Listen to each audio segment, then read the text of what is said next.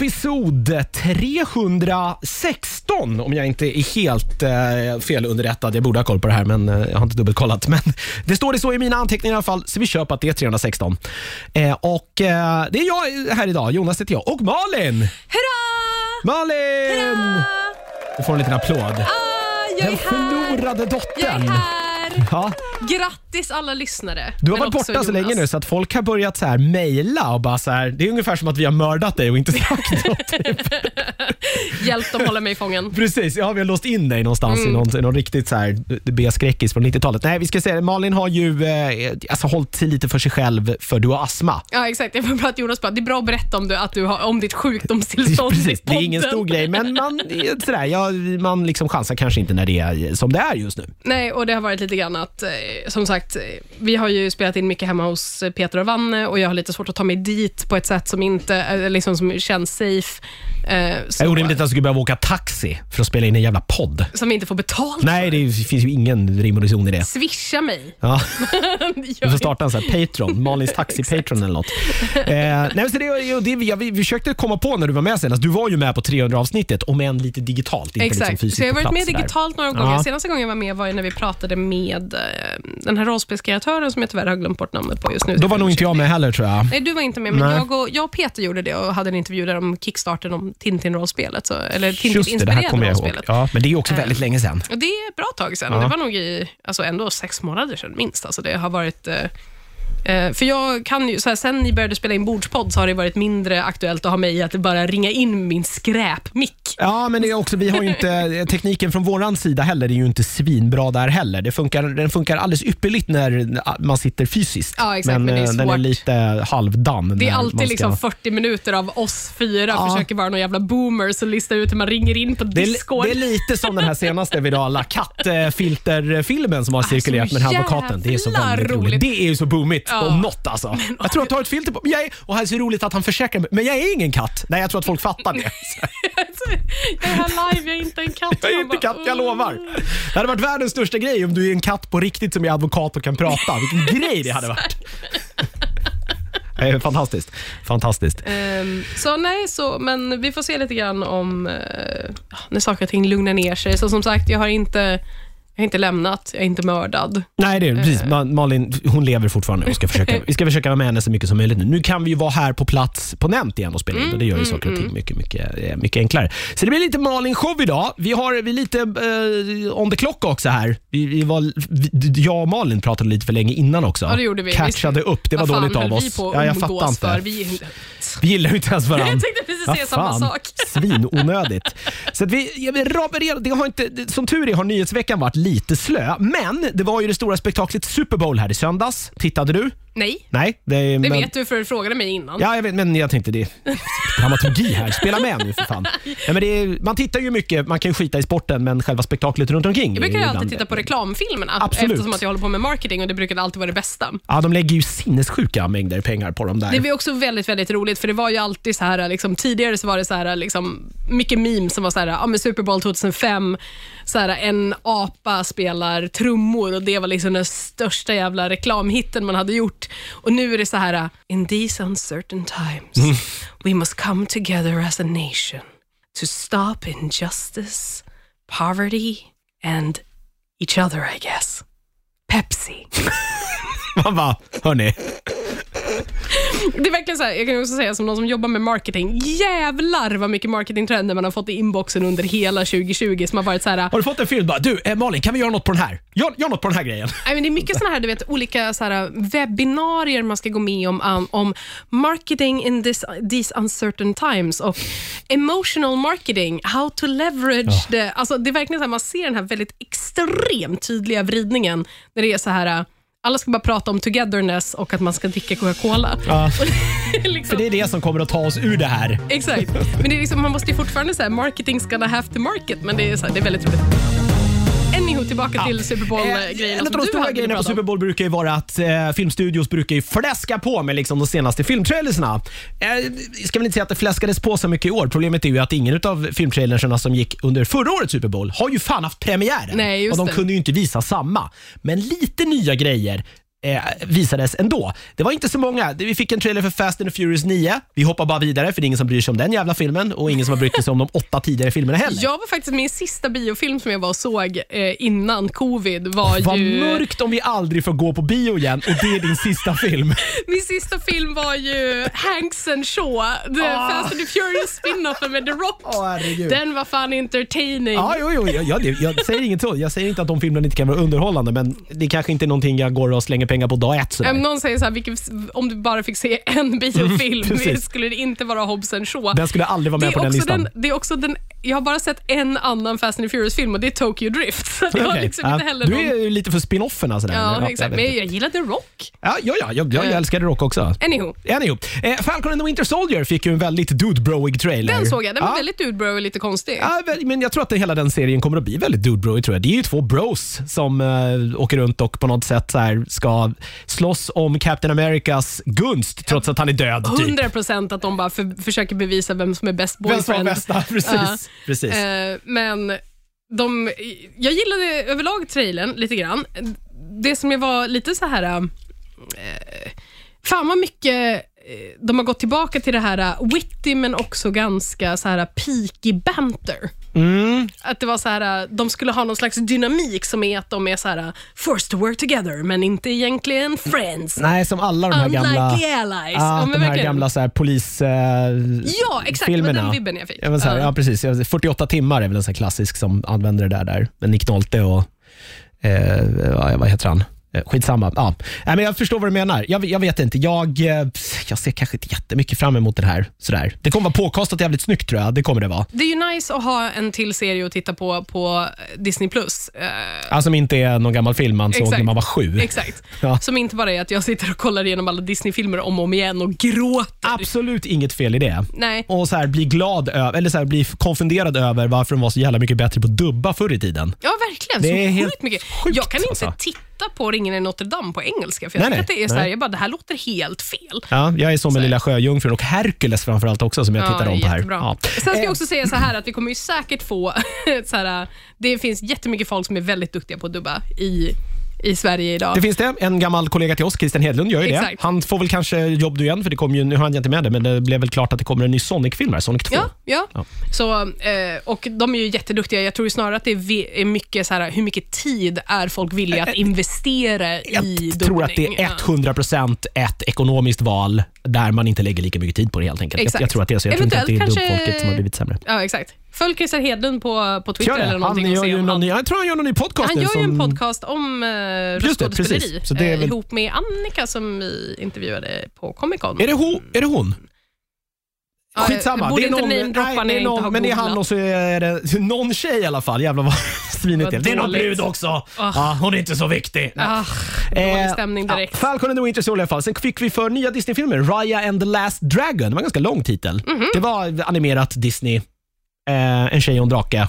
Kul. Det kommer säkert bli supermysigt. Eh, det mest spännande i alla fall, det var nog M. Night Shyamalan är ju tillbaka nu med en ny film. Han har ju varit lite upp och ner, det har han. Han har varit på upp tycker jag på Ja, han senaste. har väl kommit tillbaka. Han gjorde ju rätt mycket skräp där ett tag. Mm. Eh, slog igen, det är ju Sjätte sinnet som sagt och, och gl- eh, Glass och han har gjort mycket fantastiska Glass filmer. var väl den, se- var Glass den senaste han gjorde, för den var ju inte kanske så bra, men Det var väl där han- Split var ju fantastisk. Ja, vilken utav dem var det där, där han knöt ihop eh, alla var sina... Glass. Eller var det Glass? Ja, Mm. precis. Där alla de där blev, eh, att det visade sig att det var i samma universum. Ja. Eh, Men han har gjort väldigt mycket bra filmer. Gjort en del. Hans nya verkar, eh, lite eh, spoilervarning nu, men i trailern då verkar det som att det är en familj som åker på semester, de är på någon drömmig strand någonstans och helt plötsligt börjar alla åldras i en hiskelig fart. Oj, det låter ju jättespännande Ja, och superläskigt. Jag vill inte ha det. Nej. Va? Varför fick jag direkt ångest? Jag vet inte.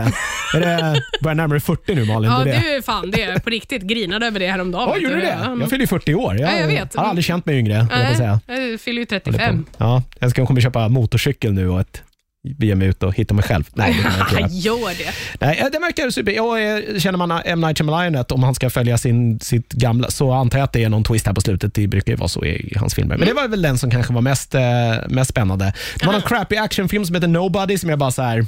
Det här vet jag inte ens vad det är. Det här vill jag inte ens se. Jag vet inte alls någonting om den. Den verkade jättetråkig. Mm. Actionkomedi av något slag. Eh, och Sen eh, gavs det nästan orimligt lång tid till, eh, till Eddie Murphys nya eh, Coming to America 2, alltså en Prince i New York del 2. Ah. Det var, du vet, det var en sån här lång eh, humortrailer där man nog såg alla roliga skämt i filmen i trailern. Så det finns ingenting kvar att titta på riktigt. Klassiskt amerikanskt. Jag vet inte varför man gör det här. Eddie Murphy spelar flera roller i vissa scener igen, som han gör, för då tjänar man tydligen mer pengar. Jag vet inte. Det, det är inte jättespännande, det är det inte. Eh, det var typ det de visade.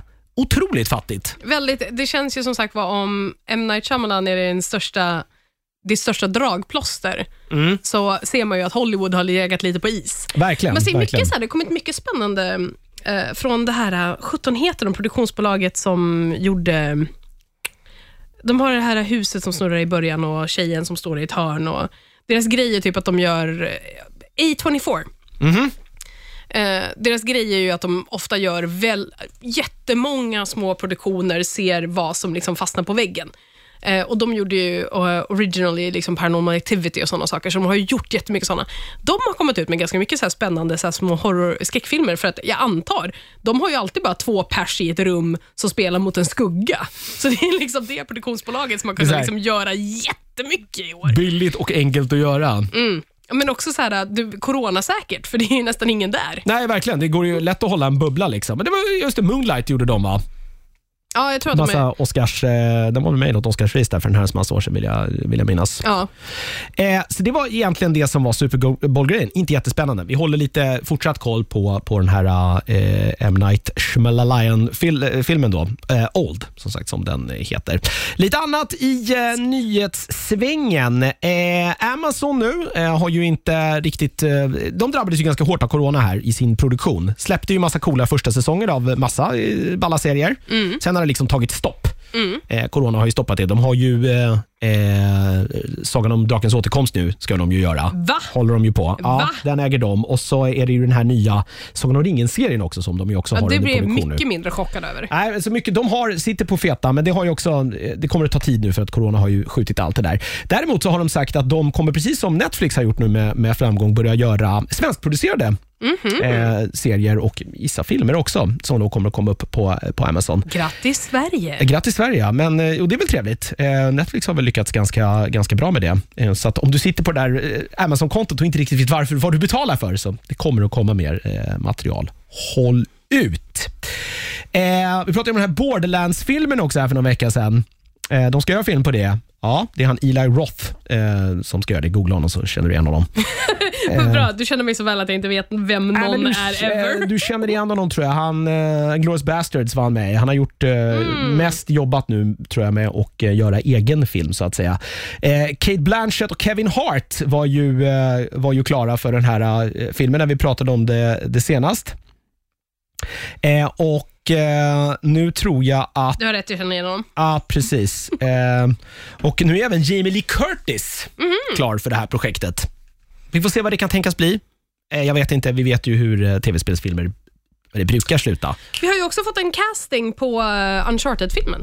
Nej, vad säger jag? The Last of Us-filmen. Eh, ja, precis. Jag har det lite längre ner här. Det var väl, eh, vad heter han? Eh, det kommer precis här idag. Eh, Alla är missnöjda. Jag älskar honom. Vad heter han? Eh, nu ska vi se vad jag hade den nyheten bara. Eh, bada, bada, bada. Eh, ja, eh, Neil Druckmann eh, har eh, skrev på Twitter, tror jag det var, att det är Pedro Pascal Ja. som kommer att vara Joel då i serien. Precis. Spoiler, du kommer dö.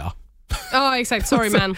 Sorry, du var inte på förhand va? Så Jag är ju extremt pepp. Vill ju gärna Peter Pascal ska vara exakt alla hela tiden. Ehm, och jag hade ju honom så, jag hade honom fancastad som så många andra karaktärer. Eh, nu kommer jag inte ihåg, men jag vet att jag pratade om det i Nördigt för tusen år sedan. Mm. att Jag tyckte att han skulle vara alla jämt. Ehm, Han fick ju sådär, har du sett den här uh, Wonder Woman 1985? där han är skurk? inte än. Nej, Nej. jag tror att du kan hoppa Men över det är den ju filmen. också lite grann så här, det är, det är, okej jag ska inte dissa DC per automatik specifikt när jag inte har sett det. Men hur mycket utrymme får man att vara bra i de där filmerna? Nej, nej, alltså den är, den är katastrof. Mm. Film. Katastrof. Jag har hört, jag har hört Ja. det absolut terrible. Men, det är kul i alla fall. Han, eh, han, verkar ju, han är ju het nu. Fan, han, det är ju han som är Mandalorian också. och Exakt, exakt. Hur mycket Och- han nu spelar Mandalorian vet man ju inte. Nej, exakt. så han kommer in och gör voiceovers bara. Exakt, men eh, vad heter det? Jag, eh, jag är ganska pepp på det här. Jag vet också att folk är väldigt, väldigt skeptiska att de inte alls tycker att han ser ut som Joel, att det inte alls är bra. Jo, men det kan man nog fixa. men Lite exakt. två dagars skäggstubb, den kommer han se snygg Och ut i. det- Och frippan och jo, jo, för fan det där. Det är den här typiska grejen där folk bara han ser inte ut som den här karaktären. Jag bara, "Åh, min konstanta är alltid Benedict Cumberbatch ser inte ut som en stor drake heller, men det går bra ändå. Alltså, Ja, nej, det där. Det där fixar de tror jag. Jag, vi var ju, jag var ju sjukt skeptisk mot hela den här The Witcher-grejen, men det blev ju så bra. Jävlar vad bra han är, Ja, jag Henry tyckte han var jättebra, Henry Cavill. Jag en hatade det från början. Verkligen, jag hade ju också samma att det var så här, Mm. vad, det känns ju inte som. Sen ska jag säga så att jag tyckte ju att, jag kände ju bara Henry Cavill då genom Superman och tyckte inte alls att han var något vidare. Och Sen såg jag honom i Mission Impossible 6 och jag bara, han är ju toppen. Och sen, eh, Han är också med i eh, That Man from Uncle, remaken. Just det, just det. Ja. Och det, det visste ju inte ens, kände inte ens igen att det var han för han var så jävla duktig. Nej. Så sen efter det och nu var fan som Geralt, alltså vilken jävla skatt. Ja, sen är han, han är ju, och så är han ju så otroligt mysig på internet också. Han bygger datorer på Twitch och sitter och gamer och det, det där är... Han, han kommer Good bli... shit. Ja, han är Mm. svår, svår, och, svår att ogilla, verkligen. Vägrar raka av sig mustaschen Ja, för men- att han ska vara med i Mission Impossible. Ja, ja, för fan. Toppen. Toppen. Stå på dig. Eh, vi ska se här också. Eh, nu hoppar lite. Det var eh, se, Amazon Prime. Det tar lite det här i racerfart nu. Eh, någon som saknar eh, eh, det här... Eh, nu ska vi se. Det var det här Anthem, Biowares senaste spel. Mm. Som ju... Ja, det var väl Crash and Burn. Näst senaste för... spektakulär, verkligen. Ja, det gick inte super. Det skulle kanske. vara nästa stora MMO. Det kastades pengar på det här, det gjordes flashiga trailers, alla var svinpepp, så kom spelet, folk spelade det och det var katastrof. Det fanns inget att göra. Det var eh, någon glitch som folk utnyttjade tror jag, eller det inte var en glitch och så blev de bandade för det. Det var, det var ingenting som funkade. Eh, de drog tillbaka spelet och eh, sa väl egentligen så här. Eh, nu ska vi börja om från början. Eh, och eh, eh, Det håller de på med nu tydligen. Eh, och, och Tydligen då så eh, väntar EA nu på att ta ett definitivt beslut om man ska då återlansera Anthem i en ny paket eller helt enkelt bara lägga ner skiten. Ja. Eh, jag eh, tycker väl kanske att det kan vara lika bra att de lägger ner den här skiten och bara satsar på någonting annat istället. Bioware kan ju fortsätta med Dragon Age kanske istället. De håller ju på med det, så det finns ju tre olika studios som jobbar med olika saker. Mm. Ehm, så Anthem, Mass Effect och Bioware. Och nu försöker de väl casha in lite grann på eh, Mass Effect eh, Legacy Remastern som nu har blivit utannonserad att komma i maj. Och eh, ger mig Hurra för mig som aldrig spelade ut Mass Effect 3 med alla DLCer. Äntligen har jag fått rätt. Alla mina kompisar har varit irriterade på mig för att jag säger ah, ah, ah, inga spoiler för Mass Effect 3 i nio år. Och Jag kan säga att du har väldigt snälla vänner om de har, inte har spoilat det för dig. Det är helt otroligt. Eh, Jag har ju spelat ut det en gång, men inte med... eh, Jag har aldrig sett det extended ending. Jag såg Ah. originalslutet. Okej. Ehm, så jag är väldigt, väldigt pepp på Mass Effect igen, såklart, på grund av att jag alltid är pepp på det. Men jag förstår ju vad de vill uppnå med ehm, en titel som, som Anthem. Liksom att det är ju... ehm, så jag tror att vi har lärt oss nu specifikt från bland annat Cyberpunk och sådana saker, är att det är väldigt dyrt med väldigt hög risk att utveckla AAA-rollspel.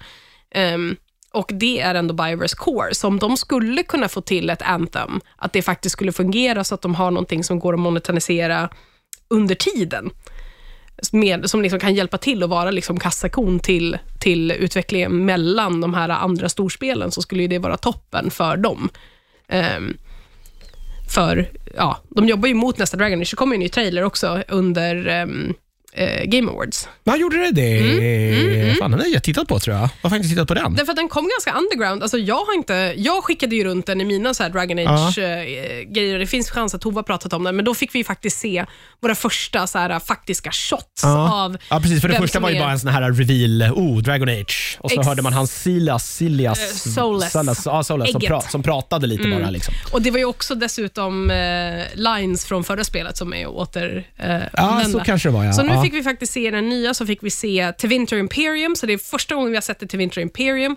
Det är, ser ut som Magic Cyberpunk, jada jada. Kanske inte världens bästa referens längre, men det ser coolt ut. Vi vet ungefär vem vi kommer att spela, att vi kommer att vara någon slags eh, liten infiltrationsstyrka i The Winter Imperium. Eh, liksom, du kommer att komma från nothing eh, och eh, liksom försöka eh, göra någon stor skillnad. Vi fick också se de första silhuetterna av våra eh, förmodade companions. Ehm, och eh, de släppte även en hel del concept art kring Red Lyrium och The Winter Imperium. Det lyktas också som att det kommer att vara ganska mycket tie-ins till eh, Dragon Age 2, specifikt då plotlinen med The Arishock och The Tome. Just det, det ska jag försöka minnas. Det var ju det spelet som var kanske det sämsta i serien. Eh, Jag tycker att det är det bästa. Tycker du det? Ja, min jag, favorit. ja, jag, vet, jag har svårt med att man inte... Jag tycker att alla så här, alltså dungeons och sånt, jag tycker allting ser likadant ut. Det är 100% för att det är samma dungeon hela tiden. Ja. Men så här, jag vet inte om jag kan berätta det här off the record, men jag träffade ju David Gader, Ja. eh, som var eh, lead writer under tiden på, på ehm, Dragon Age 2. Och eh, jag kan berätta, ja, dålig sak att säga i podden, jag kan säga till dig sen vad han sa. Ah, Okej, du får inte... Du, när, hur länge sedan var du träffade honom? Då? Eh, Nyligen eller? Nej, det var, det var nog något år sedan när han var och hälsade på. Han är ju ett stort eh, fan av Crusader Kings, så han Ah, kommer okej. förbi och hänger med våra game directors. Jaha, ja. Fan, här. Hänger med societeten. ja, Okej, nej men jag, jag vet inte, det är flera grejer. Jag har, spelat, jag har spelat det några gånger, men det är flera grejer jag inte riktigt, eh, riktigt tycker om. Jag tycker också att man, jag tycker det var tråkigt att man tog en lite mer så här actionbetonad i eh, stridssystemet. Det var ju för att det skulle fungera på konsol Ja, precis. Eh, Men, eh, jag har det gillade jag samma- inte heller. Jag gillade ju, det som jag specifikt tyckte om var att storyn är så stark i spelet när det kommer till att varje sidequest som du får spelar, har liksom en, genom alla år du är i Kirkwall, det finns inget sidequest som är gå hit, hämta den och sen är det sidequestet klart. Allting har konsekvenser.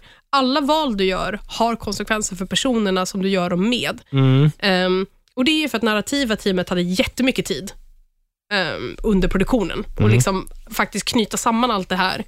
Ehm, och när jag spelat klart Inquisition så gick jag faktiskt tillbaka och spelade Dragon Age 2 igen och bara tyckte att det var så fruktansvärt välgjort just för att det verkligen känns som att allting, allting är en del av någonting och du själv är en del av någonting. Och sen just den här idén med en found family-historia, där oavsett, även de som inte går ihop med varann, liksom alla hänger ju ändå på the hanged man.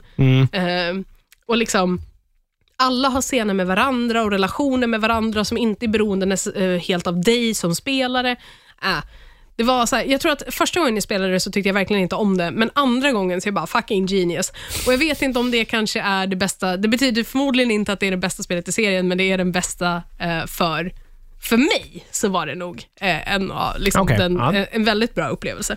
Sen med det sagt så att Dragon Age Origins såklart är extremt nära. Vi har väldigt bråttom Ja, vi ska en liten, eh, det är två små saker till här bara som är, är det ena var är nyheter om Marvel har ju sagt att de ska reboota Blade. Eh, Sen har man inte hört ett jävla skit om det. Har vi inte det? Nej, alltså egentligen inte. Det är Marshala Ali som ska, som ska spela Blade i det alla var fall. det jag tänkte säga. Eh, Det har vi fått veta, Det ja. vet vi. Sen har det varit knäpptyst. Nu har man sagt att eh, man har gått vidare med det här eh, arbetet nu och det finns en manusförfattare eh, som ska börja skriva då ett manus till den här kommande eh, tv-serien som Who jag har dat? förstått att det ska bli. Stacey Osi Kofour eh, som har varit med och skrivit eh, manus på bland annat Watchmen. Nice. Så, ja, det, det vet vi det i alla fall. Så det är på gång. Det är ingenting de har lagt ner. Jag antar att corona har stoppat upp det här också. Eh, filmen som vi också eh, väntar på med lite så här, eh, skräckblandad förtjusning, det är ju Schneider Cut. Just det, när kommer den? Alltså, jag är så jävla redo att ta ledigt och äta popcorn. början av mars så kommer den ju, fyra timmar eller vad det ska bli nu. Eh, jada, jada, jada. Den skulle släppas på... eh, På HBO Max. Ja, just det. Eh, och eh, Batman gör ju, eh, eller är ju med, men Jokern gör ju en återkomst där. Jared Letos Joker. Va? Och det kom ju bilder Va? på detta. Ja, jag Nej, men alltså, vänta. Stanna det här tåget Ja. nu. Jag vill av. Ska, gör Jared Leto en cameo i The Snyder Cut av Justice League? Eh, alltså, eh, Jared Leto är, kommer vara samma Joker som Ja. han var i Suicide Squad, Ja. är det va? Kommer han nu alltså vara i, i eh, Snyder Cut då, utav, eh, utav Justice League. Men var han med från början eller har de lagt Nej, med han, honom? han är inklippt nu på var slutet. det någon som, men alltså var han... Okej, vänta, det här är mitt problem nu. Här har du bi- bilderna i alla fall som Klippte släpptes. de, ja, det där ser ju för jävligt ut. Tycker du? Ja, lite Jared Leto lite är väl alltid den sämsta delen av allt han är med i. Är det, är det så? Nej, Fight Club är han ju fantastisk i. Är han med i Fight Club? Han är med i Fight Club. Okej, då tar jag tillbaka. Vem, men vem, vem är den sämsta delen i Fight Club? Eh, det Om det finns nog inte ingen Jared- dålig del i Fight Club Nej, tror jag, för det är är en sån det Jared fantastisk Leto. Film. är Ja, det kanske är så. Jared True, Leto är true. den sämsta delen True, i Fight Club, true. men han är bra i Fight Club. Ja. Ehm, men alltså, så- okej, så Jokern skulle ha varit med i Justice League. Det tror jag inte från början. Jag tror att så Så min- de har spelat in mer Jared Leto? Ja, ja. Eh, De har ju tagit in, de har ju spelat in stora delar av den här filmen igen för att det ska bli som Snyder. Alltså, det här är ju min, min teori här är att Snyder vet ju att det här kommer bli skit även om han spelar in det igen. Eller också kommer det bli jätte... Nej, jag tror, jag tror, det här är ju bara ett försök att på något sätt så här sminka grisen. Ja. Eh, det är bara det det är, för att folk ska bli så åh, med Jokern, åh, vad coolt. åh." Eh, det, det kom någon sån här konstig förklaring till varför det här. The cool thing about the scene is that the Joker is talking directly to Batman about Batman. It's Joker analyzing Batman about who he is and what he is. Eh, that is the thing I also felt like fans deserved from the DC universe. That is to say that Jared Leto Joker and the Ben Affleck Batman never really got together and it seemed uncool to me that we would make it all the way through this incarnation of Batman and Joker without seeing them come together. Det, kän, det sägs då vara anledningen Det- till det här. Jag skulle ju köpa den förklaringen, för det känns ju som att de två, om de existerar i samma universum, definitivt behöver ses vid något tillfälle. Ja, Sen så tycker jag ju fortfarande att det här, så fine Zack, I'll give you that.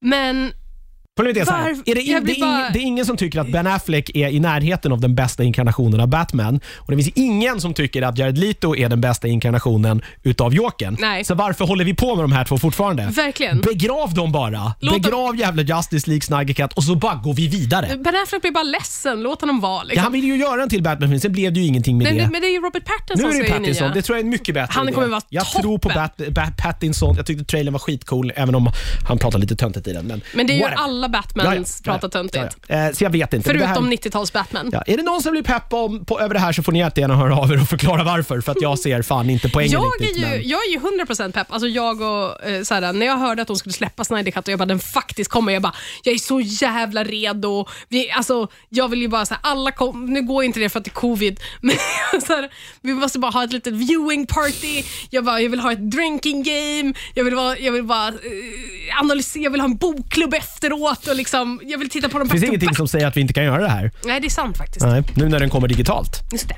Ja, vi får k- kanske titta på det. Det är ju ett tag kvar. Början av mars som sagt Mm, så kommer den. På HBO då gissar jag här eftersom Max inte är lanserat i Sverige. ja. Eller så blir det någon sån här skitgrej att vi får hyra den för en jävla peng. Fyra timmar å andra sidan. Det, kan, alltså, det, är mycket film värt, för pengarna. det är värt det. Alltså, jag, Ja, det verkar som att det ska bli en helt film också nu om jag har förstått saker och ting rätt. Eh, och inte då någon typ av miniserie som man snackar om. Alltså man skulle klippa upp den i fyra just det. delar. Då på något Väldigt pestens tid. 18 mars kommer den i alla fall på Okej. HBO Nordic. Eh, det var nyheterna.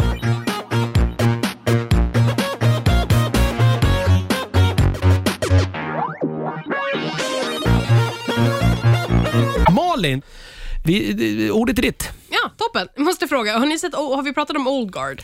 Vi har pratat om något, ja. Fan. Det- Den var med på... Hatade Niklas den, eller? Nej, alltså, nej, jag tror inte han... eh, Jag tror han vare sig hatade den eller gillade den. Det var bara en film. Jag tyckte den var cool. Jag älskade Eh, Det den. var mycket som var skräp i den tycker jag. Eh, Allt var gott skräp. det var väldigt mycket saker så här, som jag tyckte att det var en hel del frågor som borde ställts i filmen som alla karaktärer på ett jävligt bara, konstigt Mm. Sätt bara ignorerade. Det tyckte jag var väldigt, väldigt märkligt. Jag hade ju, om jag nu helt plötsligt upptäckte att jag var odödlig så hade jag haft ungefär 1000 frågor som jag hade velat ställa. Där vissa är ganska logiska. Typ så här, vad händer om jag sprängs i smådelar? Ja. Men det är ingen som ställer den frågan och på Nej. något konstigt sätt så händer det aldrig i filmen heller. Nej. Man bara liksom, det är så elefanten i hörnet som filmen bara så här. Vi ignorerar det bara. Exakt, men det var också såna här, typ specifikt när de också etablerar att om någon låser in dig i en järnlåda och slänger i vattnet, då bara drunknar du om och om Ja, och om det och tyckte om jag var väldigt om hemskt sätt. Det var så jävla hemskt. Helvete Sen tyckte jag i och för sig att det var lite tråkigt att det blev väldigt uppenbart att när den historien berättades så var det så här. okej, jag förstår ju att den här personen kommer att dyka upp nu. Exakt. Tata! Spoiler, men ja. Sen är det ju också liksom baserat på en serietidning, så att det, liksom, det här är ju väldigt classic comic book logic alltihopa. Eh, men jag... eh, Mm, Men sen, vad mycket jag gillade med den. Det- jag kan ju säga, eh, jag antar att ingen är förvånad över att jag såg den här filmen och bara “det här är bästa”. Jag älskar den så Ma- mycket. Malin är också väldigt snabb på att bara säga det här är den bästa. Det är bara helt okritiskt. Jag har inte tänkt en enda tanke, du bara sett det och sen bara kommer alla känslorna och du bara det här är så jävla bra. Det är 100% sant. Så här, sen jag slutade arbeta som kritiker så Ja. har jag ju slutat helt kritisera Det, verk. jag tycker det är fint Och det ändå. är verkligen så här, jag har inte, det, det var det här, jag unnar mig att inte längre tänka kritiskt kring någonting och jag bara, åh det är så jävla trash, jag älskar det. Jag ju snarare tvärtom. att Jag, tycker, jag tittar på något så tycker jag allt, det är jämt skit. Och sen tänker jag lite på det så bara, det kanske, nej det är inte riktigt så illa kanske det inte. Niklas tror jag funkar så. Ja, Det är ja, väldigt få saker han tittar på och bara så det här var skitbra. ja, men det är ju för att han inte tycker om för att han glädje, inte har hjärta. exempelvis John Wick. Han skulle för övrigt kommit hit idag men hade glömt bort. Exakt. Ja, så nu finns det också, han har ingen möjlighet att försvara, nu är inte Niklas här och kan försvara sig. Nej men det vi, Men- vi, vi följer inte de journalistiska principer här inte är. Så nu mer saker som är fel med Niklas. Ehm, nej, men vad heter det? Men det ska bli en uppföljare. Det ska bli en tvåa. Eh, Med tanke på super cliffhanger-slutet också blir inte det jättekonstigt heller. Nej, nej, men fan, jag vill bara säga, min favoritdel med, med eh, det här, och det är liksom så här, jag vet att det finns vissa saker, typ att de ska vara något elitteam som har slagits ihop i liksom millennia och de går fortfarande bara in i ett rum och blir nedskjutna. Ja, de har ju det också. Ja, Och jag bara, okej, men jag köper det för att det är exakt så Wolverine funkar. Alltså, Ja, men det blir, man blir ju, när man inte behöver bry sig så kan jag tänka mig att man blir lite så här. Man blir jag- ganska nej, loj, Man liksom. bara Det går spelar- in och bara det spelar ingen roll, Nej, det spelar ingen liksom. roll om jag blir skjuten. För det här är en jätterolig del i både Logan och i serietidningarna när eh, Wolverine blir av med sina helande förmågor, att han inte längre kan slåss, för han har ju aldrig lärt sig att slåss på ett sätt där han behöver skydda sig själv. Nej. För att han har ju alltid bara gått in och var så här, ja ja, liksom, han blir skjuten sex gånger i ansiktet och sen stabbar han killen. Mm. Ehm, så jag, jag tycker, den, jag fattar, här, jag köper allt nitpicking. Men de här fighting-scenerna de har i när de liksom bara kastar vapen till varann och vet var, var de är i position till varann utan att behöva kolla. Jävlar vad fint det är. Men Alltså. jag tyckte mer då så här, det, det blir töntigt när man, alltså man, man skulle mer spela på den grejen att de inte bryr sig. Att det är mer så här, men varför sitter vi här och väntar? Jag går bara in och så får de skjuta ihjäl mig och sen så bara Exakt. Städar ni upp. Att det mer blir en taktik, så här, en mänsklig sköld. Liksom. Ja, och jag skulle säga att jag tror ju absolut inte kanske att det här är det eh, det intent av skaparen att det ska vara så att de inte behöver vara en elitstyrka. För sen går hon också in i kyrkan i det här vi inte får se filmat. Då hon bara tar ut en hel elitstyrka Ja. själv med yxa. Med yxa, ja. Och jag bara, det här är en jättecool scen som vi typ inte får se på grund av att vi inte har budget att producera Nej. den. Utan det måste ju förmodligen vara på grund av att vi behöver ha det här etableringsmomentet och här, nu kör vi. Men ja, fan, älskar alla karaktärer, tycker det är så jävla charmigt, jättedum eh, på så många ställen och så himla bra på så många ställen. Ja, ja, verkligen. Eh, men då, jag skulle inte prata om The Old Guard om vi har pratat om The Old Guard. Du får prata precis om vad du Mm. vill Malin. Jag ska inte stoppa dig. Jag, jag säger inte nej till någonting här. Eh, jag ska prata om... Så här, egentligen borde jag ju kunna komma tillbaka hit nu och prata om jättemycket spel och grejer som jag kört, men eh, det har jag ju såklart inte gjort för att eh, allt jag har gjort är att spela rollspel och eh, spela om Breath of the Wild och ritat. Det är allt jag gör. Bä, ja, och spelat om Breath. Ja, okej. Jag har ju inte spelat, jag spelade aldrig klart det och sen köpte jag det till Switch och nu håller jag med alla DLCer, så nu håller jag på att spela ut det i väntan på att Mass Effect ska komma, så jag ska spela ut det också, för jag hatar nya spel, jag älskar gamla spel. Men jag har i alla fall så fått en Xbox. ehm, Alltså en Eh, ny eh, Series X alltså. exakt, så jag har du en lyckas lägga vantarna på den alltså? För i juni Ja. skulle man ju kunna beställa igen nu i senaste budet från Microsoft i alla fall. Jajamän, jag fick en lagom till jul. Har ni förbeställt också då eller? Eh, ja. Det är din snubbe som har skött det här hör jag. Du har bara, den dök bara upp en dag och du bara yay! ja, men lite så var det kan jag säga. Att det var definitivt en överraskning. Eh, och sen så, så i sann anda, jag känner att jag hela tiden gör liksom, mitt tonårsjag besviket. Som var så här, tvungen att verkligen så här, spara ihop till vartenda spel man hade. Och, så här, och nu får jag en Xbox Series X.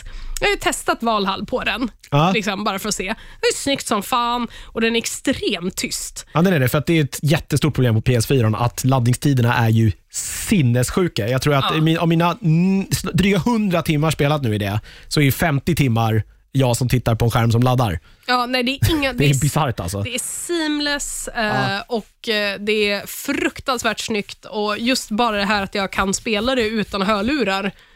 För att Nej, det är inte en konsolen inte skriker av smärta medan jag spelar. Så, så jag har spelat det, men sen har jag också spelat mm, ganska mycket mer. Alltså jag, jag slog bara på Assassin's Creed, testade det typ en- någon timme och bara, det här var ju fint. Och Mm. Ja, sen du har ju spelade- lite att göra där då kan jag säga. Mm, mm, jag har hört det, men sen så började jag ju spela om Breath of the Wild. Då. Så, eh, men jag spelade Immortals Phoenix Rising också, som jag Precis, det är ju ett spel som jag så här, eh, tycker nog säkerligen skulle kunna liksom spelat, men jag pallade inte ett till samla plupp-spel från Ubisoft. Nej, jag har ju väldigt svårt för samla pluppspel från Ja. Ubisoft. Jag tror att vi har pratat om det tidigare, specifikt nu också, när jag pratade om skillnaden mellan att Då spela kommer du Breath of the hata. Valhalla. Ja. Ja, men det är, jag hat, alltså inte hatar, jag tycker ju om Assassin's Creed-spel, men jag gillar ju inte pluppar. Nej, det här är det ju Ehm, plupp galore. ja, det är De här verkligen- tar ju plupparna till en ny nivå. Jag vet att vi pratade om det tror jag när jag spelade Horizon Zero Dawn. Att Mm. jag spelade, första gången jag spelade Breath of the Wild så spelade jag också simultant Horizon Zero Dawn. Och just den här grejen med Breath of the Wild där man kliver ut och så öppnar sig världen och sen så har du bara, där är ett konstigt berg. Det vill jag kolla vad det är på. Mm. Att allting är så här att man försöker locka dig hela tiden med miljödesignen. Ja, men det här som spel säger hela tiden, bara så här, ja, men vi, det är en öppen värld där du kan utforska precis på vilket sätt du vill. Mm. Ja. Men lik förbannat är det en massa pluppar på kartan Exakt. som jag kommer gå till. Exakt. The Wild gör inte det. De är de Exakt. första som gör, säger det och sen gör det också. Och bara gör att det finns en sån himla äkta känsla av att upptäcka saker. Även när det inte finns så särskilt mycket att upptäcka i spelet så blir varje liten upptäckt liksom en ganska stor eh, sån här eh, ja, men en ganska stor känsla av att man har, man har gjort någonting. Liksom, man har sett någonting. Medan samtidigt spelade jag Horizon Zero Dawn, kom ut från eh, liksom den första arean i spelet och så öppnar sig open world och så fort kartan öppnas så ser man de här plupp, ja. plupp, plupp. Och jag bara, jag blev direkt så, jag blev så trött. Jag bara, nej men jag vill inte. Nej. Jag orkar inte bara, för då är allt jag gör är att kolla på den här pilen och försöka hitta den här pluppen, jada jada. Ja, det finns en inställning nu tror jag, i, i, men jag tror inte att det är någon som spelar på den, i uh, Valhalla där man kan typ slå av Jag har slagit av allting. jag. Ja. Ja. Så jag har slagit av allting utom crucial, så jag tycker att det är en jättebra grej. Ja. Just ja, men då får man liksom snubbla på saker mer. Och så får man, för det finns ju mycket av de här blåa plupparna där det är så här, någon händelse. Exakt. Eh, däremot så tyckte jag, men spelade du det här eh, Ghost of Tsushima? En matte spelar Ghost of Tsushima. det, det, gjorde. Tsushima, det gjorde ju det lite... Ska säga, det är ju pluppar där också, men Mm. där är de ju inte... eh, Där dyker de ju inte upp på samma sätt. Nej, och så plus Där är det här man ska följa vinden och rida. Och, Exakt, och Ja. jag kan ju gilla sådana saker där det är så här, här kan du liksom, det här är mer av en, ja, det ligger, mitt emellan Breath, räven, ja, det liksom. ligger mitt emellan Breath of the Wild och Valhalla Ja, det- i liksom sitt pluppsamlande på något Exakt, sätt. och det Ja. tar ju inte ur en ur upplevelsen. För du inte, tittar ju fortfarande på den här vinden. Liksom. Du tittar fortfarande på den här räven. Mm. Och Sen ska jag säga att allting man kan upptäcka är så jävla roligt. Jag bara, varje gång vi ska göra poesi. Ja, skriva en haiku vid något Ska vi vattenfall. spela en jävla haiku? Åh, vad det är så fint. Ja. Jättefint. Och så får man Ehm, en ny hatt när man har skrivit klart. För att det är liksom, Det är det man får när man skriver en riktigt bra haiku. Jävlar. Den kommer flygande med den här vinden. Åh, det är din nya hatt. Belöna dig för din fina haiku. Ja. Men, eh, nej, men så Immortals Phoenix Rising i alla fall är ju lite grann Ubisofts ehm, försök. Det har beskrivits som deras typ Zelda-klon. Det är 100% Zelda-klon och specifikt, inte 100%, men det är väldigt likt och det är väldigt likt um, Breath of the Wild specifikt. Och Det hette ju från början Gods and Monsters. Just det, det var det han bytte namn på. De ja. bytte namn Ja. extremt tidigt. Och Det är också så här, det är mycket, mycket mer barnslig ehm, inte Alltså, barnsligt, men det är ett yngre spel Ja, än men vad... eh, Säger man barnsligt så tror jag folk fattar att vad man menar, att det inte är man är inte en, en viking Nej. som hugger yxor i huvudet på folk och blodet sprutar. Nej, precis. Utan här spelar vi ju eh, i eh, grekisk mytologi, ganska löst baserad grekisk mytologi. Och den stora grejen som har hänt är att eh, Så- jag spelade, det var så länge sedan jag spelade det här nu, för jag har inte varit med i Nördigt, så jag kommer inte ihåg storyn. Men gudarna är försvunna. Eh, de har liksom blivit eh, cursed på olika sätt av titanerna. Just det, det är det här man, ja, man har sett Hercules. Man har på, sett Ja, Hercules. så vet man ungefär den här. Och Du är en soldat som återvänder från kriget, ehm, och, men du är också den enda som överlever ett skeppsbrott. Ehm, alla andra personer, när du vaknar upp till på stranden, alla andra personer är förstelnade. Så alla människor står där med liksom svärden höjda och sådana saker. Men alla är, eh, Är det Medusa som har varit där? det antar jag, Okej. Eh, men så mycket vet vi inte. Men det vi vet är att alla gudar har också via den här eh, förbannelsen som har lagts på landet också eh, blivit förvandlade till olika saker. Så exempelvis hittar jag Eh, om det var Venus jag hittade som är förvandlat till ett träd som nu är helt besatt av att mata rådjur. Um, och hela tonen är ganska komisk. Liksom, uh, art directionen är väldigt mycket mer åt Breath of the Wild, uh, med ganska mycket anime-influenser, lite mer cell-shaded look. Uh, allting är mycket större, så det här pluppjagandet finns fortfarande där, men det är betydligt mindre pluppar per um, landmassa. Men vad är, det vad är det för pluppar man hittar? Är det liksom uppgraderingar i utrustning eller är det, det lite, story eller ja, är det lite alltså allt det är möjligt? Lite allt möjligt. Så det stora är ju att du ska liksom göra eh, story missions, men sen så finns det ju även liksom mini, eh, minigames och pussel och sådana okay. saker man kan lösa för att vinna lite olika eh, gems och saker och. Jag kommer, jag kommer inte ihåg varför jag ska ha de här grejerna. Men du kan använda dem för att uppgradera saker i Artemis är den första personen du hittar. Nej, inte Artemis eh, budbäraren. Eh, han med han vingar. Det? Jo, Artemis. Jag tänker, nej, men, nej det är jägargudinnan heter Artemis. Jag kan, jag, det här, alltså just gamla grekiska... Det här var ju mitt huvudintresse som extremt cool 11-åring. Ah. Um, vad he Hermes! Hermes, Hermes ja, det heter för helvete. Just det. Han har lite och har flygande sandaler i Hercules-filmen. Ja, exakt. Uh, och I den här så har han guldblont hår um, och inga flygande sandaler för att han har blivit av med dem. Um, men han kan i alla fall, du kan spendera lite uppgraderingsgrejer där för att få bättre stamina, bättre hjärtan. Okay. Det följer den här liksom, den ganska klassiska... Eh, alltså exakt. Här, och sen är det lite så här, hoppa ner i mini... Exakt, hoppa ner i mini dungeon, slåss mot eh, liksom, de här uh, The Titan Kings eh, lakejer, lära nya förmågor, få en pilbåge, få de här grejerna. Eh, alltså, det här är nog det Ubisoft-spel jag har trivts bäst med på länge, okay. just för mm. att det är så väldigt opretentiöst. Mm. Um, så jag, säga, jag spelade ju det här back-to-back, -back så jag spelade Breath of the Wild, och sen liksom, spelade Breath of the Wild i tre timmar, så spelade jag Phoenix Rising, eh, eller Immortals uh, Phoenix Rising, i ungefär tre timmar och sen spelade jag Assassin's Creed Valhalla i tre timmar. Och Det var ju tre väldigt olika upplevelser. Ja, verkligen. Men det är ändå roligt att det kan vara så olika upplevelser när det ändå är i grund och botten typ samma spel. Alltså om du förstår vad jag menar. Ja, men Mekaniskt. Liksom. Det är väldigt, väldigt tydligt att alltså, Ubisoft har sin grej nu som de vill monetarisera. Och, mm. eh, eh, Immortals verkar ju, där vill de ju komma igång och ha en... Det är väldigt tydligt att de vill att det här ska bli en franchise. Eh, där de, på samma sätt som Assassin's Creed, men där de kanske kan komma in med en yngre publik. Mm. Eh, mot liksom, det ganska det är mycket mature team, themes. Ja, men om man nu har något med, någorlunda medvetna föräldrar kanske, så är inte ett PG-16-spel någonting man får om man är 12. Nej, nej. Då är det här lite snällare. Exakt, ja. och just att det, det, är en introduktion väldigt mycket till deras ganska klassiska nu spelmekanik mm. av hitta torn, ut, liksom, ta kartan, vilket samla pluppar, samla pluppar uppgradera grejer. Um, också spännande i Assassin's Creed Valhalla för övrigt att man kan köpa levels. Det var ju en bra... Ja, ah, kan man det? Jag har inte mm, tittat, mm, men är det den här, i den här Ubisoft-storen? Ja, man kan ju köpa så här, ja, det där har jag aldrig förstått riktigt. Det var ju samma sak när eh, Eh, eh, vad heter det, det här cowboy... Eh, Red Redemption Red, Red, Som inte går att säga. Red, Red Redemption. Red Dead Redemption, Redemption 2. Ja, också. eh, när det kom, att man liksom, har man förköpt spelet, då fick man massa gear som gjorde att man blev starkare. Mm. Så det säga, betala pengar för att klara spelet snabbare. Det är en väldigt märklig Alltså, ja, verkligen. jag betalar 600 spänn för ett spel och sen vill jag betala pengar för att klara det så fort som det bara går. Ja, men, eh, det finns ingen logik i det. Men, jag vill bara ja. säga, som någon som är över 30, 100% skulle jag göra det. Alltså, Åh oh, nej, jag... i Valhalla kanske det finns då, för det är ändå 100 timmar om man ska samla varenda liten jävla plupp. Jag har aldrig varit en pluppfanatiker. Nej. Eh, så... Det är inte jag heller, men det är ett gift. Det är som heroin. Ja, jag ser ja, en pluppjävel och jag är nära den, då måste jag rida till den. Jag är ja, ledsen. Precis som när du ser en liten heroinspruta och ja. du bara, nej den ligger ju det bara här. Finns, om, jag ser, om jag ser gul snö, då måste jag smaka för det kan vara öl. Det är jättejobbigt. Anyhow, så. Ja.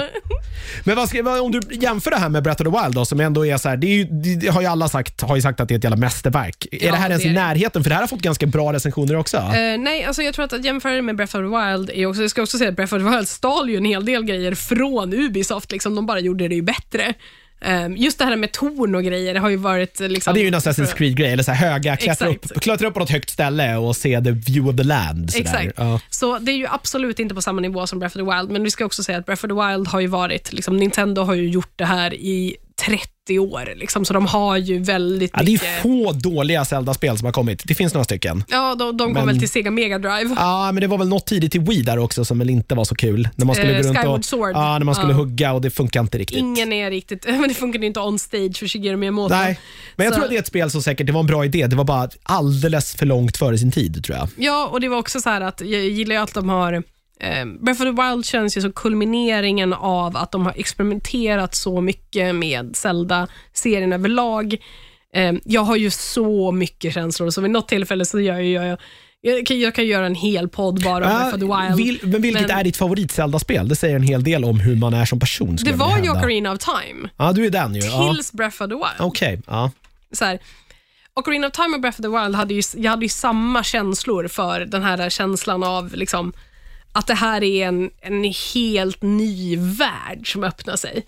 Um, och eh, jag har ju gillat många andra Zelda-spel emellan, men Link of the aldrig... Past är ju mitt, men det är också tror jag för att det var det jag växte upp med, precis som Men kanske exakt. det första du spelade Mitt var Ocarina of Time. var. Ocarina of Time. Jag hade Mitt första var svårt- faktiskt originalet. Ja, just- ja, Eh, de kommer jag ihåg att jag spelade också, men just Zelda, A Link to the Past var liksom det första Zelda-spelet jag förstod. Tror Ja, jag. exakt. Mm. Alltså det så här, jag fattar vad jag ska göra här. Det var ganska tydligt så här, hur man skulle ta sig igenom. Och, Och för mig så var ju det Ocarina of Time. Liksom. Mm. Och, så jag har ju väldigt mycket personliga känslor kring det. Sen kan jag tycka att det finns mycket mer intressantare stories kanske i Wind Waker och Twilight Princess överlag. Mm. Liksom Dungeon-designen är ju bättre i många av andra spel och sånt. Men, och Breath of the Wild har ju också den här grejen, att det faktum att den inte har Dungeons, halva tiden så är jag så här, fan det känns som att det saknas ändå ja, det, är ju, någonting. det, ju, det är ju den stora grejen i, har ju varit i varenda. Zelda-spel egentligen. Men sen å andra sidan så är det också så här att hälften av de här pusslarna man behöver göra är så sjukt konstiga att jag bara är glad att det inte är en hel dungeon. Men eh, som sagt, jag, Breath of the Wild hade ju en helt specifik känsla och jag kan ta ett helt avsnitt och bara prata Ah. om liksom, en retroperspektiv på Breath of the Wild i relation till Zelda-serien och varför specifikt prinsessan Zelda du vet att det kommer här- komma rätt mycket mail nu om så här. när kommer den där? Nej men det är så här, jag behöver bara, jag behöver ju bara spela ut det först, så det är väl bra om jag kan få en, eh, en Hur anledning. tycker du går med det? Ja, men jag är Hur många gånger har du börjat om? En bara. Okej. Och Det var ju för att jag bytte mellan Wii U och Switch. Ah, Okej, ja, ja. rimligt ändå. Ehm, Ja. Så, ehm, men nu är jag på, jag är på upphällningen. Okej, nu. det känns som det i alla fall. Mm, jag tog sista tornet igår, så jag låste upp hela kartan och All right, all right, eh, så här, hard master sword och sådana saker. Men det finns så mycket intressant lore och narrative i, i miljöerna i Zelda och just hur specifikt prinsessan Zelda i det här spelet är så annorlunda mot alla andra versioner av henne själv. Hon har väl i stort sett varit samma version i nästan varenda spel. Hon är Typ. oftast den. Ja. Jag tror att det som är specifikt intressant, och nu ska jag inte prata mer om Breath of the Wild efter att jag har sagt det här, men jag tycker att det som är specifikt intressant, specifikt med eh, både Zelda och Link, men främst med Zelda i den här versionen, är att det här är första gången som de är medvetna om vilka de är och vad som kommer att hända. Mm. Och är aktivt medvetna, så inte bara liksom den här jag har en profetisk vision liksom above alltihopa eller Zelda i Twilight Princess som ändå vet att hon behöver stå upp mot det här, utan de är väldigt medvetna om att de lever i en värld där det finns någonting som heter Calamity Ganon som återkommer i en cykel och när han är på väg att resa sig igen så kommer också de här andra hjältarna som Seals the Darkness att återfödas. Och i den här cykeln så vet de nu på grund av att de har både Zelda och Link att Calamity Ganon är på väg tillbaka. Men medan Link är redo, han uppfyller sin del av profetian, han hittar the sword, the seeds, the darkness, han har liksom allt det här som han behöver göra, så kan inte hon göra sin del. Hon får inte the magic powers som hon borde få ha, som hon ska ha enligt profetian och som är crucial för att de ska kunna vinna den här kampen. Och Den här idén av att ha de här två personerna som växer upp i den här situationen där specifikt Zelda vet om att alla hennes personer som hon har omkring sig är där att dö för henne och att om hon fuckar upp så är det the end of this world. Och hon har inte magin. Nej, jag får lite Final Fantasy 10-vibbar här nästan. Ja, men För det- den som kommer ihåg det spelet. Exakt, men Ja. det, det är lite i Jonas del. Ja. Men just det faktum då att vi har... Det är så intressant att de är medvetna om psyken. Mm. För tidigare har det alltid varit att Link får liksom den här, hey Link, you are the chosen hero. Han får hans hjärnspöken, man vet inte. Så här, men han får ju liksom alltid reda på det på något vänster Ja, genom ja, en ja. utomstående, att han har liksom en ganska klassisk hero's journey av liksom someone's call to adventure. Mm. Men i det här spelet så börjar vi inte med Links call to adventure, eh, utan vi börjar liksom i, i narrativet i att han har redan haft sitt call to adventure and he failed. Båda de två failed. Egentligen så var det inte han som failed, det var hon. Mm. Ehm, och nu handlar det om att liksom så här återta det där. Och det är en så här... Eh, mycket känslor för Zelda i det här spelet. Alltså. Väldigt mycket känslor för Zelda. Ja. Anywho. Jag är, super, jag är superinne på att köpa en Switch. Jag vet inte riktigt varför bara, men jag, Zelda, det här är ju ett Köp, spel köp som Breath jag... the Wild. Ja, det finns väl inte så mycket att spela på den. Nej, det är typ. Breath of the Wild. Det är väl Uh, typ Three det. Houses, jättebra. Ah, okej, ja. Dejta dina elever. Ah, vad är det här andra konst... som- Vad är det, heter det då? Där man bygger hus på någon liten ö som du pratade om. Animal Crossing! Animal Crossing, precis. Det var ju, som Ah, tog över så internet mysigt. där under en vecka. Det var alla pratade om Animal Crossing. Tre månader av att intensely spela Animal Crossing och försöka Ja. glömma bort att det var en pandemi. Och sen orkar man inte göra det längre. Äh, sen var du klar och så var pandemin inte över. Nej, fan vad, Jävla såhär, vem skulle också. kunna tro? Skit också. Anyhow. Så ja, det var vad var jag skulle prata om egentligen. Uh, Immortals Phoenix Rising, det är ganska fint. Eh, Det är inget Zelda-substitut, är det inte. Kan man spela Zelda så gör det hellre. Ja, är det en, eh, ett tips? Jag skulle ändå säga att jag tror att det finns ganska mycket i den här spelserien, att det är ju en mer en, ett lite mer lättillgängligt, lättsmält spel i den här tiden när allting ska vara dark gritty och 200 000 timmar yxblod. Ja. Så kan det ju vara ganska nice lite då och då och liksom bara glida runt i ett fint litet cartoon landscape. Och har man redan spelat Breath of the Wild så är ju inte Nej. Immortals Phoenix Rising ett dåligt val. Nej. Så, sen så, som sagt var, det är inget Breath of the Wild. Nej. Men vad är det? Eh, så det, eh, det tänkte jag prata om. Sen tänkte jag prata om ett eh, spel också som jag lite snabbt måste googla. Eh, för att du inte kommer ihåg vad det heter? Eller jag för vet att, vad det heter, men jag vill bara berätta vem som har gjort det. För att det är ett indiespel. Och då tycker jag att det är... Jag har inte spelat så mycket spel som sagt var, men eh, det här var ett som jag fick tips om. Var det det här som Tove tipsade dig om? nej, nej, nej, det ska vi ta sist. Ah, Okej. Så det här heter Paradise Killer.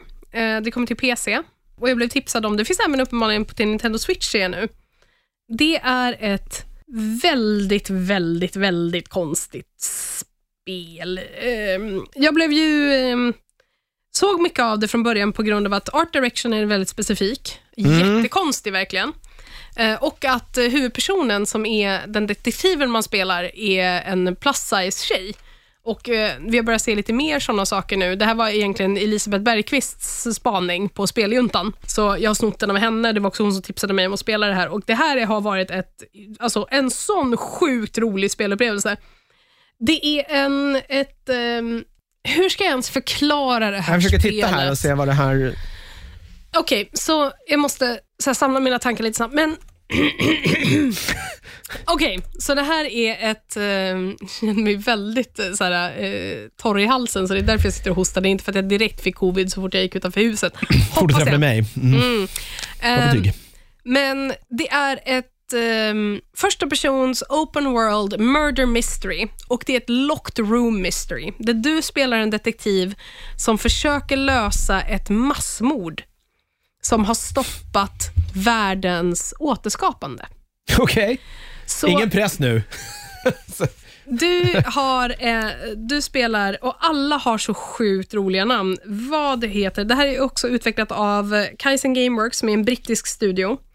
Eh, vet inte om de har gjort något annat tidigare. Jag tror inte det. Det här är nog deras Ah! debut, eh, eller? Skojar bara, de verkar ha gjort... Eh, nej, de har inte gjort något annat. Nu höll jag på att säga något dumt där. Att de hade, men det är ju Frogware. Eh, Jag tror att det här är deras debutspel. De har eh, inspirerats kraftigt utav H.P. Lovecraft och Ja. Frans Kafka.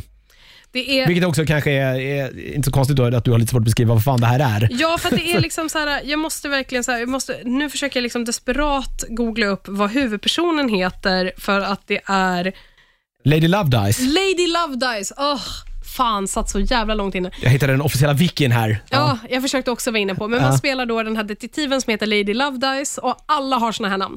Så vi har liksom, vi har en person som heter The Witness och som jag trodde liksom var en person som var ett vittne, men han heter The Witness. Bökigt. Bökigt om man inte är ett vittne då till den här Det händelsen. heter liksom också folk som heter Funky Jazzman. Alltså det är så här, allting har den här typ Lady Love Dice-vibben. Ja. Um, det är förvånansvärt lätt att komma ihåg namnen så fort man ser dem. Och Sen har de en art direction som är helt bananas. Alltså verkligen så här, uh, Vi kommer ju säkert ha någon slags art i inslaget för det här. Och Majoriteten av grejerna är ju ett hopkok av någon slags avklätt dating sim med Lovecraftian horror och eh, high fashion magazine. Ja, alla är väldigt glamoröst klädda. Eh, Det är som ett så här, det är modeveckan i Milano här jämt. Exakt, men också då eh, ihopslaget med en furry convention och eh, någon slags eh, så här, gory murder scene. Ja. Jag får Så- lite så här mystkänsla nästan över eh, några grejer här. Det, Det är- dödskalletavlor, det är jättekonstigt där. Det är ja. väldigt så. så det, det man gör i spelet i sig själv är ett, det är ett väldigt klassiskt, väldigt straightforward, ehm, eller inte straightforward överhuvudtaget, men väldigt klassiskt detektivspel. Du spelar den här detektiven, du jobbar för tekniskt sett folk som är någon slags semigudar. De här Okej. personerna försöker eh, uppfinna Paradise. Och ehm, Paradise är, de är inne nu på Paradise 15. Okej, det är version 5. Har det liksom Exakt. skitit sig 14 Det gånger har innan? skitit sig 14 Ah, okej. gånger och varje gång som de gör den här grejen, så New Paradise, då har de någonting som heter The Great Slaughter, där de mördar alla människor i The Great Slaughter, uh, för att de behöver de här eh, The Human Sacrifice för att skapa The Rebirth of Paradise. Uh, human, alltså vanliga människor är kallade för citizens, medan ehm, då alla andra är någon slags halvgudar och sen finns det även ett lager av gudar över det här, så extremt komplicerat. Men The Council, som är de som gör nästa Paradise, under själva akten att skapa nya Paradise så blir de allihopa mördade. Problemet är att ingen borde kunna komma åt dem, så det är ett locked room mystery. Eh, för att de ligger bakom tre seals och bara det första sealet är kända för någon annan än The Council. Ändå så har någon lyckats mörda allihopa under pågående Rebirth of Paradise. Och Du blir återkallad efter flera år i exil för att du har haft samröre med demoner. Vi behöver inte röra vid demoner av det här. De är från kosmos och det är väldigt, väldigt svårt allting. Um, och nu är du tillbaka för att försöka lösa det här mordet. Vem var det som dödade de här personerna? Och Det finns ju bara ett, eh, ett visst antal personer som skulle kunna vara suspects, för det finns bara så många människor som fortfarande, eller halvgudar då, som fortfarande lever. Så du går mycket runt, intervjuar folk, försöker hitta diskrepanser i deras eh, timelines och alibis och eh, bildar en egen uppfattning om vem det är som är the murderer. Och Det verkar vara ganska som att det finns ett ganska öppet slut, att du kan som när du vill komma till the judge och säga Men det var den här personen? nu är är jag redo. Ah. Och det här är det jag tror. Men det behöver inte nödvändigtvis vara, för det beror på lite grann vilken information du kan få fram. Jag som uppskattar som sagt var eh, Crimes and Punishment och de här gamla eh, Sherlock Holmes-spelen som kanske är mer att man faktiskt själv behöver tänka och själv behöver förstå hur saker och ting hänger ihop. Ja, inte direkt, det är lite den här klassiska pick och klick, att jag bara jag använder rätt sak på rätt sak, så rullar storyn vidare så att säga. Ja, det är inte det. Nej, det är inte, precis, det är inte så. Nej, exakt. de här. Utan Nej. det är mer så här, du måste faktiskt lyssna, Du tänka måste ta något efter. aktivt beslut för att rulla Exakt, vidare och det, det kan vara finns- rätt eller fel. Liksom. För det finns liksom inget så här, du kan ju alltid fråga folk om vissa saker, lämna fram olika typer av föremål eller bevis. Men det är inte det här liksom Phoenix Wright, gnid den här mappen mot en person och hoppas på att det, det fungerar. Utan Nej. mycket av det är också så här, och det är så himla lätt att bli investerad. Ja. Fast det är så här, eh, det är ju lågbudgetmotor, liksom blockig, ehm, jätteblockig så här, eh, 3D-värld, men där alla karaktärer är helt tvådimensionella teckningar som bara står i världen. Och ändå, ändå är jag så himla investerad. Alla konversationer är ju också bara så här, den här Lady Lovebird som står liksom, och sen är det Exakt. text som rullar bara. Exakt, Ja. exakt. Och det är också den här grejen som de har gjort där de bara har sex voice lines eller någonting och sådana saker. Men de spelar dem över varje gång hon pratar så att man blir distraherad mellan vad man läser och vad man ser. Ah. Ehm, men alltså det är så f- jätteinvesterande, verkligen. Alltså det är förvå... Alltså, jag har nog inte spelat ett så bra utredningsspel sen Sherlock Holmes Crimes and Punishment. Ja. Och har man lyssnat på den här podden vet man hur mycket jag tycker att Crimes and Punishment är ett fantastiskt bra spel. Ja, orimligt mycket, ja. Så eh, det är mitt lilla indie-tips. Paradise Killer alltså. Ja. Eh, om du inte blev klokare av det där, så det är svårt att bli klokare tror jag. Man Jag tror gå att- in och titta på bilder på det så kör. kommer du fatta ungefär vad det här, Ja men vad det är verkligen. för Alltså, så här, jag tror att det, jag förstod inte vad jag gjorde halva tiden, men så här, det, nu förstår jag det exakt och jag kan inte förklara det. Nej. Det är det som är problemet. Det är som Disco Elysium. Ja, så här, ja, precis. Ja. extremt svårt att förklara varför Disco Elysium är extremt bra, men alla bör spela Disco Elysium. Ja, men det är väl också det, det är väl i indievärlden man hittar den typen av spel. Alltså, det här är så långt ifrån liksom samla pluppar på en karta som man kan. Ja, där allt det- ser sjukt krispigt ut. Exakt, Utan det här exakt. är verkligen helt annorlunda. Allting ser ut som halvvägs igenom någons liksom, art application till, och eh, Babys first Unity. Det ser ut, precis, det ser ut som någon så här, det här, är, ne- det, det här påbörjades av någon så här elever på någon gamingskola och som har någon så här ett galet projekt. Eh, Det här, det här kommer ni aldrig hinna göra på era tre år här, men Nej, vi kör exakt. ändå. Sen har de bara gjort klart det. Liksom, va? Men det är, eh, det är jätte, jätteinvesterande och jag tycker att det här är, gör ju också att den här studion är... Eh, de kan nog göra bra grejer om de får... Eh, det här är också jävligt bra, men good shit. Good shit. Eh, Paradise Killer alltså. Precis. Nu har vi tio minuter kvar Jag har Malin. tio minuter kvar. Ja. Vi ska blåsa igenom två till. Det ena Ja, är ju något kör. som Tove har fuckat upp för Ja, mig. det här är väl... Det här kommer du känna igen tror jag. Jag tror jag pratat om det här vid något tillfälle förut. Har vi det? För Tove började spela det i, i veckan Ah, och sen okej. fick hon mig att spela det. Det här är ett mobilspel som heter Lovelink och ingen ska ladda ner det. Eh, Varför ska man inte göra det? Det är för att det är så jävla beroendeframkallande. Helvete vad jag har slösat pengar på det här spelet nu. Eh, Malin sa också att hon hade slösat 200 kronor. ja, det är ingen jättepeng, Det är det, det det inte. mesta jag någonsin har lagt på ett mobilspel. Okej, är det så? Men det är Ja, bra för mig ja, att du ja. ger mig perspektiv så att jag kan betala Fast- ytterligare ja, 100 jag, jag spänn. lägger ju pengar på lite spel sådär, som är free to play, men där inte betalningsmodellen är eh, typ för att spela mer så måste du betala pengar, för den ogillar jag. Men Mm. där snarare betalningsmodellen är så här, du, du, du kan köpa lite roligt swag till din gubbe. Ja, och jag tycker är- att spelet är roligt, då har jag inget problem att köpa lite roligt swag till min gubbe för att jag tycker att man ska betalt för den här produkten som jag tycker är fantastisk. Förstår du vad jag menar? Så Lovelink i alla fall, det är ett fake Tinder. Ehm, där du, Det är bara Tinder med andra Det är ord bara alltså. Tinder, Ja. så det är ett datingspel men det är Tinder. Ja. Och Du kan dejta lite olika personligheter. Och Nu ska jag berätta. Jag fick in en kompis, eh, en annan kompis på det här och hon började spela det ungefär samtidigt som mig. Tove har fått in mig på det här. Hon, Tove dejtar då en extremt oväntat en K-pop-idol. Ja. ja, det låter som Tove. Ja, Sen har hon också dejtat en vampyr. Ja, det låter också som Tove. Ja. Ja. Och Sen så hade hon också hittat någon sån här uh, ond doktor som typ bor i en vulkan. Ehm, Det blir man ju nyfiken på i och för sig. exakt. Och Sen min andra kompis som spelar det här, eh, hon har ju då matchat med en prins. eh, som hon har hållit på att dejta. En Tänk om bil... Tinder var så här. Ja, en biltjuv som hon också håller på att dejta. Det är liksom väldiga... Ja, okej. ja. Exakt. Från prinsen till biltjuven. Ja. Exakt, så från prinsen till biltjuven och det är hennes main dates. Okej, vad har Malin dejtat? Jag har matchat med Kevin, Okej. en filmstudent. Ja, Det är vad han är. okej. Han håller på att göra sin egen tolkning av Romeo och Julia. Det går sådär eller? Äh, Det verkar inte gå särskilt bra. Nej.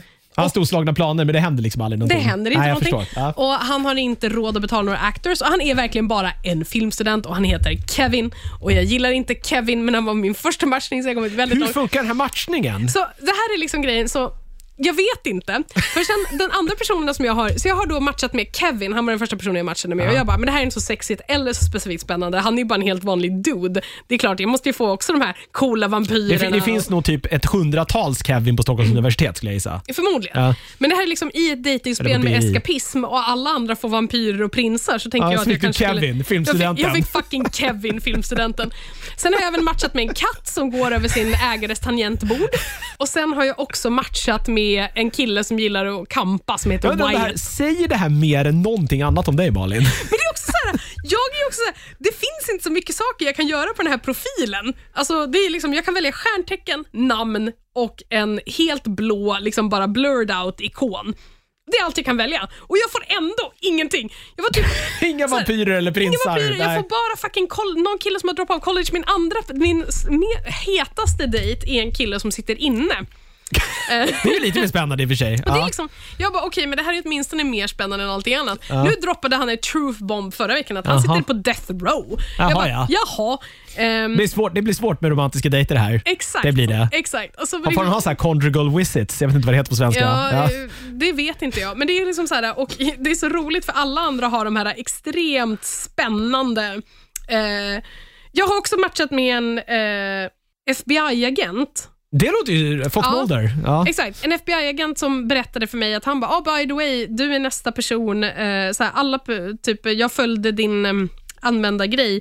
Du uppfyller samma, så här, du har exakt samma profil som en person som har blivit kidnappad. Så jag tror att du är nästa potentiella victim. Fint. Jättedålig grej att säga på första dejten. Ja, verkligen. Och jag verkligen säger bara, ha, okej, men Tove bara åker privatjet till sin eh, K-pop-ikon, utsålda grej.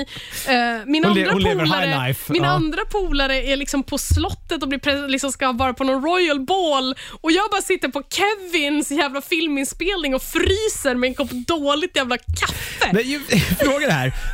Okej, jag fattar då. Antingen så är det någonting då, är någon algoritm som jobbar där baserat på de här valen du har valt. Då, det måste eller, vara stjärntecken, det är Ja, det enda det kan vara. eller, så är det här bara rent slumpmässigt. Exakt, Eh, eh, och du bara har otur. exakt. Eh, men du har, du har ju tur i kärlek på riktigt. Ja, exakt. Det är fint. Men sant. hur går det, det här dejt, du matchar med dem, vad händer då? Så ja, så det som händer när man matchar med en person, händer samma sak som Tinder. Så att egentligen så har du två lager av spelet. Det ena är chatten och då är det bara att du chattar med personer och i chattarna så kan du göra lite olika val. Mm. Ofta så får du också sexiga bilder skickade till dig. Eh, Man får dickpics även på påhittade Tinderspel alltså, är det? ja, det här är, fast man, vid det här tillfället så får man liksom åtminstone någon slags så här estetiskt tilltalande dickpics, åtminstone om man är Anna eller Tove. Om man är Malin får man en bild på en katt. Estetiskt tilltalande dickpic. Hur ser den ut undrar jag? Ja, nu tycker jag att vi inte ska... Nej, men Nej alltså, vi, vi förkovrar oss inte i dickpics nu. jag kan Men ju säga att det här är inte ett helt... ehm, det är inte för en yngre publik Det det är här för, spelet det är kanske? inte Nej, helt, du kanske ska vara... kan- eh, PG 16 Ja, kanske. okej.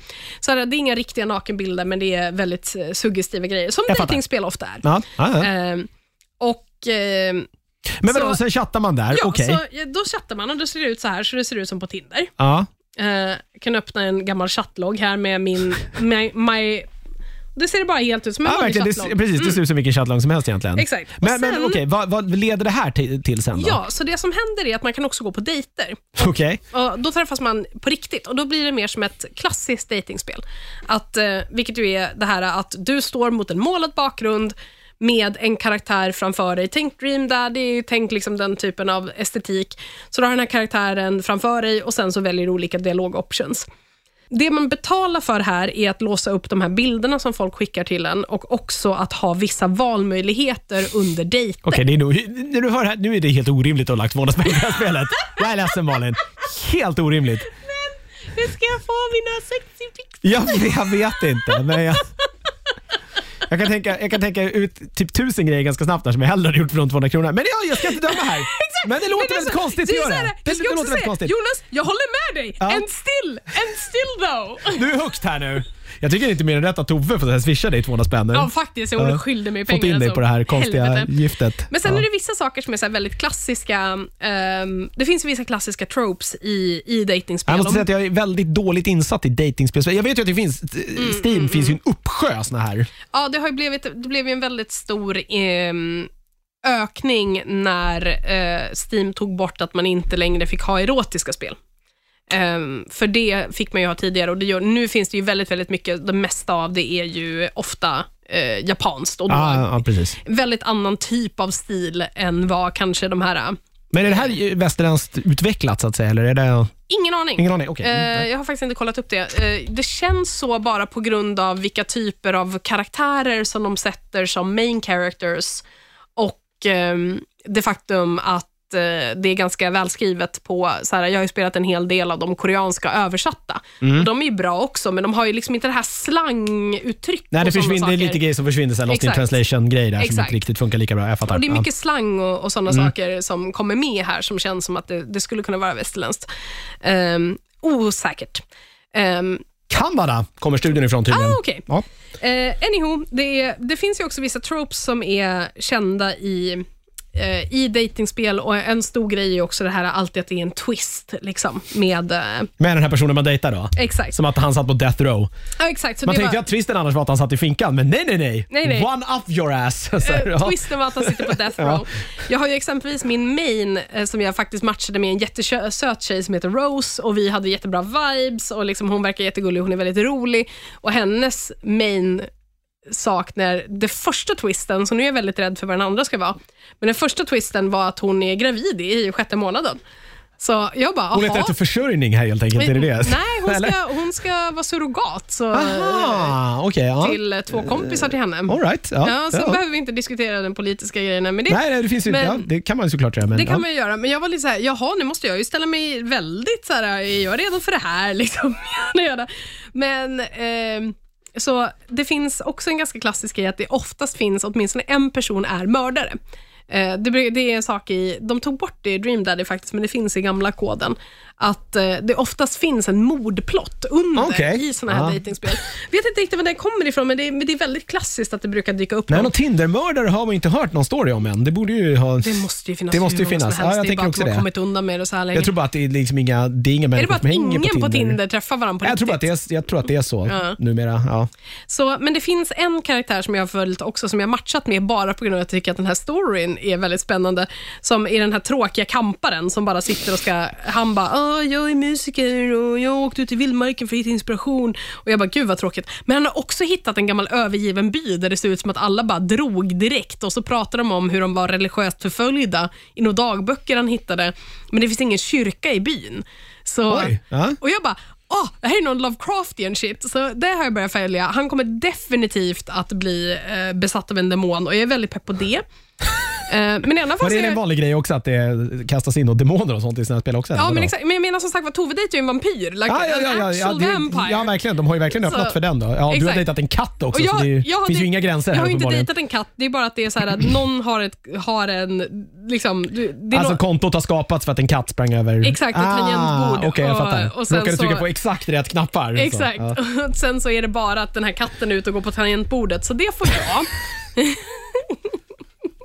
Åh, herregud. Ja. Så, men jag tycker att det är väldigt, väldigt roligt, för nu har vi haft en chatt gående då, där Tove berättar om sina exploits, liksom när hon är ute på den här coola dejten med den här K-pop-stjärnan och jag bara, ja, jag följde med Kevin till hans filminspelning, jag träffade hans kompisar, de var väl inte så roliga. Det är ju, det är ju en, är det lite real life över det här på något det här sätt är också. lite för close to Det home. är det, ja, ja. Jag, vill inte, jag vill inte ställa frågan, men ja, jag fick ju svaret kanske. Ehm, Ja, så herregud. ja, Ja. Jag, jag blev fan sugen på att spela det här nu. Alltså det är väldigt, väldigt roligt och det är ju gratis att ladda ner, men jag blev ju hooked direkt alltså. Mm. Eh, så mycket att jag också kom på mig själv med att eh, så här, jag satt på jobbet idag eh, och satt vid datorn och så bara öppnade jag liksom det och satt och spelade. Och sen inser jag att när folk går förbi, eh, det här ser ju ut som Tinder. Precis, att Folk du sitter vet och, ju att jag är Du är gift, ja.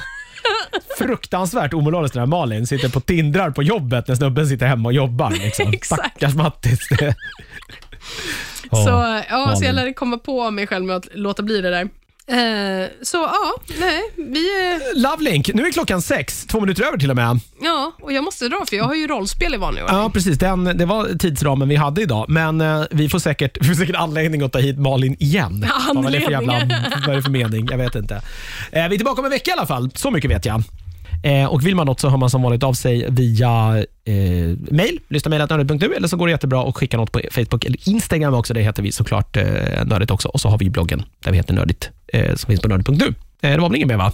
Nej, Nej, men Eh, kul Malin. Det här får vi göra om. ja absolut. Ja, vi hoppas att det inte typ tar ett år innan du kan vara med fysiskt nästa gång. Den jävla corona får fan ta slut nu. Jag är så jävla less på den här Ja, skiten. så håller jävla med. less på den här Håller skiten. Eh, ja, det återstår väl att bara säga puss hej.